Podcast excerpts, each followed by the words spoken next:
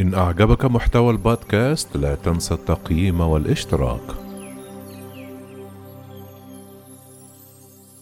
التطعيم في شهر رمضان المبارك هل يجوز للصائم أخذ لقاح فيروس كورونا؟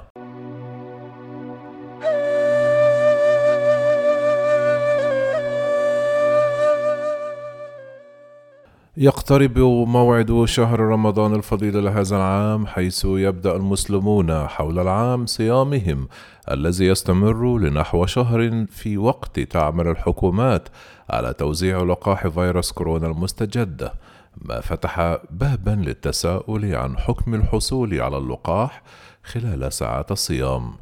هيئة الإفتاء في وزارة الأوقاف الكويتية أفتت الأربعاء بجواز أخذ اللقاح وقت الصيام وقالت إن اللقاح لا يفطر الصائم ولا بأس من أخذه في نهار شهر رمضان وكانت وزارة الصحة الكويتية طلبت فتوى شرعية من الهيئة الدينية العليا في البلاد حول حكم الحصول على حقنة اللقاح أثناء الصيام لترد الأخيرة بجواز التطعيم وأنه لا يفسد الصيام البتة.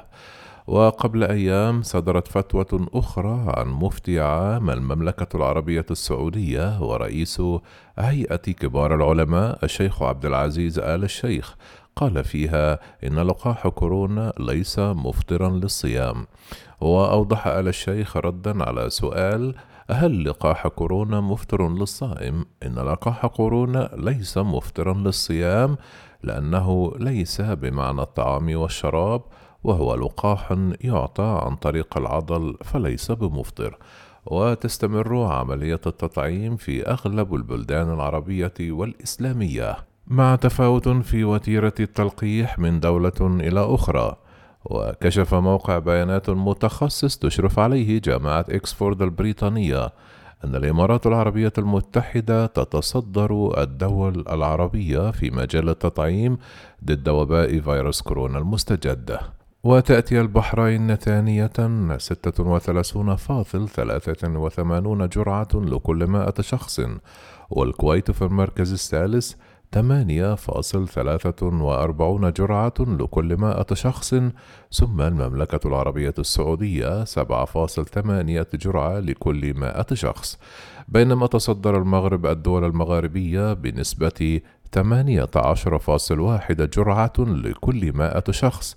تليه الجزائر بنسبة 0.17 جرعة لكل 100 شخص ثم تونس 0.6 جرعة لكل 100 مواطن. يذكر أن السلطة الفلسطينية بدأت الأحد تطعيم مواطنيها بعد حصولها على الدفعة الأولى من اللقاحات عبر آلية كوفاكس العالمية في محاولة لإحتواء تفشي الفيروس مع الازدياد المضطرد في أعداد الإصابات في الأراضي الفلسطينية. وتسبب فيروس كورونا بوفاة قرابة اثنان مليون وسبعمائة ثلاثة وعشرون ألفا وثمانمائة تسعة وتسعون شخصا في العالم منذ نهاية ديسمبر من عام 2019 وذلك حسب تعداد نشرته وكالة فرانس بريس يوم الثلاثاء.